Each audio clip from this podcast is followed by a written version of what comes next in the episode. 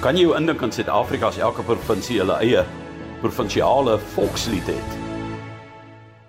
Frisk bloedsjog op, vol nodig broos en zierde. En boezje terug, huis hieren om. Wel, Friesland, een van die provinsies in die noordweste van Nederland het hulle eie een. Hulle lê oos van die IJsselmeer en daar's sowat 650 000 inwoners en uh, die meer is gevorm na die afsluiting van die see wat ook die verkeer, die seeverkeer afgesluit het. In die eens floreerende vissersdorpie is nou aangewese op 'n bietjie marine lewe uit die IJsselmeer, maar dan ook toerisme en boerdery.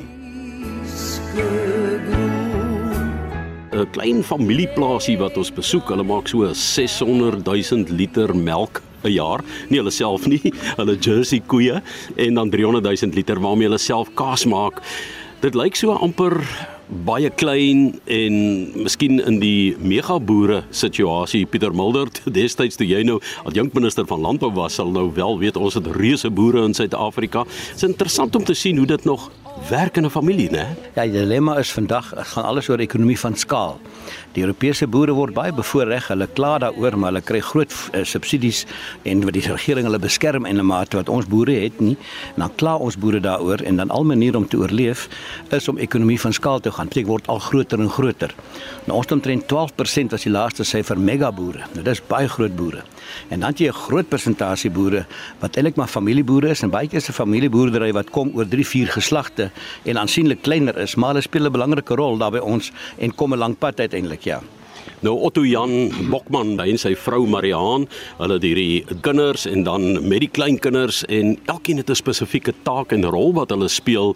Ehm um, maar soos ek het nou die liters gesê, 600 000 liter melk per jaar wat geproduseer word en ekonomies met daai kaas wat hulle maak en dan het hulle ook op die dorpie hier in Workum in Nyland wat beteken nuwe land en dis drooggelegde land, het hulle 'n winkeltjie waar hulle dan nou dit verkoop saam met ander snuisterye, maar iets anders was die manier waarop hulle praat van bio melk en dit staan by ons bekend as? Kyk die hele in wêreld vir al Europa is op pad na organies toe. Met ander woorde geen chemikalieë nie geen gifstowwe nie geen hormone nie En dit is baie idealisties, maar dit is die hele gesondheidsbenadering in Europa is baie ver voor daarmee met 'n behoefte daaraan. Dat mense nou sensitief is, dit kan kanker maak, dit kan dit maak. Maar dis nie maklik om oor te skakel. Nou, hy praat van biologiese boerdery, bedoelende dat wat ons al sê organies, uh, want nou moet jy sonder enige van daai hulpmiddels nog probeer dieselfde resultate behaal. En baie keer beteken dit hopelik dat die melk duurder is omdat dit nou biologies is soos hy bewoord, maar dat jy gaan minder produseer. Nou in sy geval interessant dat hy oorgeskakel van Holstein na Jersey basies toe en vir die ander koeie toe beter gevaar omdat die vet behoort is en daai soort van dinge en hy moes aanpas. Nou ons probeer in Suid-Afrika en ek weet van ons boere probeer dit ook uitvoer. Ehm um, vrugte in die soort van goed organies, maar is nie so maklik nie en is veral moeilik die Europese mark is ontvanklik. Maar is bitter moeilik om in te kom en in Suid-Afrika is die mark nog maar klein wat regtig 'n behoefte het en sê ek wil 'n organiese perske of 'n dit of 'n hoender of waar ek al koop, dit is nog nie so groot nie ja. Wanneer jy gaan kyk na hoe ons alles saniteer, maak dit die menslike liggaam ook baie meer vatbaar vir siektes. So hier gaan hulle 'n bietjie terug na die grond toe. Hulle werk met kaal hande, styl wat hulle het wat ons al sê o, dit lyk amper op party plekke vir ons onhygiënies, maar 'n nuwe wending in die wêreld, né, wat ja. rondom daardie aksies gaan. Wel ek het gekyk daarsoos as die man is daar, is hele familie, hy het 3, 4 kinders, almal saam op die plaas, elkeen spesialiseer, maar die klein kindertjies is ook daar. Hulle is daar 3, 4 jaar oud en loop daar rond, vat in die beeste, loop in die mis en ons het so higienies geraak oral van ons dat ons so skoon die kinders grootmaak. En die nuutste interessante navorsing sê ons het al meer probleme met allergieë. Die kinders vandag het al meer allergie en toe het hulle navorsing gedoen om te sê jong, is dit so dat kinders wat troeteldiere het en op die plaas woon meer allergie het as die stadskinders?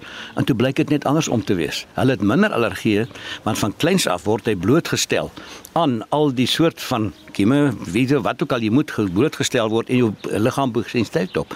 Ons is so ingestel op higiëne dat ons ons kinders grootmaak vir allergie. Ek weet in Amerika is daar selfs plekke waar die kinders nou geforseer word om in 'n sandput te gaan speel. Hulle moet miskien maar 'n wurm optel en hy moet 'n gogga optel en dit blyk gesonder te wees. So daai kleintjies lyk vir my baie gesond wat daar in die mis rondgeloop het, ja. Pieter, ek wil net so 'n bietjie ehm um, praat. Uh, jy was nou ook adjunkminister van landbou en nou kan jy vanuit 'n apolitiese omgewing dinge beoordeel. Dit moet nogal vir jou 'n teleurstelling wees as jy kyk hoe hierdie mense hier funksioneer en die uitdagings eintlik die onnatuurlike druk wat daar op baie Suid-Afrikaanse kleinboere is. Ek het meer as een keer gesê ek dink die Afrikaanse boere is die beste in die wêreld. Hulle met boere met minimum hulp, minimum subsidies van die regering af. Hulle het verskriklik baie regulasies en reëls en druk van buite af en nog steeds boer hulle effektief en nog steeds kompeteer hulle aan al kante toe. En een van die druk is ongelukkig met al respek vir die regering nie regtig begrip het vir hoe 'n kommersiële boerdery werk nie. 'n Boer is nie 'n welsynsbeampte nie, hy's 'n sakeman wat met wins maak. En van die suksesvolste boere hierdie is baie keer 'n familieboerdery wat 3, 4 geslagte kom. Daar's min boere, wit, swart, wat ook al, wat onmiddellike sukses is. Geef hom 'n stuk grond en sê boer en dis nie so maklik nie. Dis gewoonlik 'n seun wat by sy pa geleer het, wat by die oupa geleer het en na die derde, vierde geslag is dit suksesvol.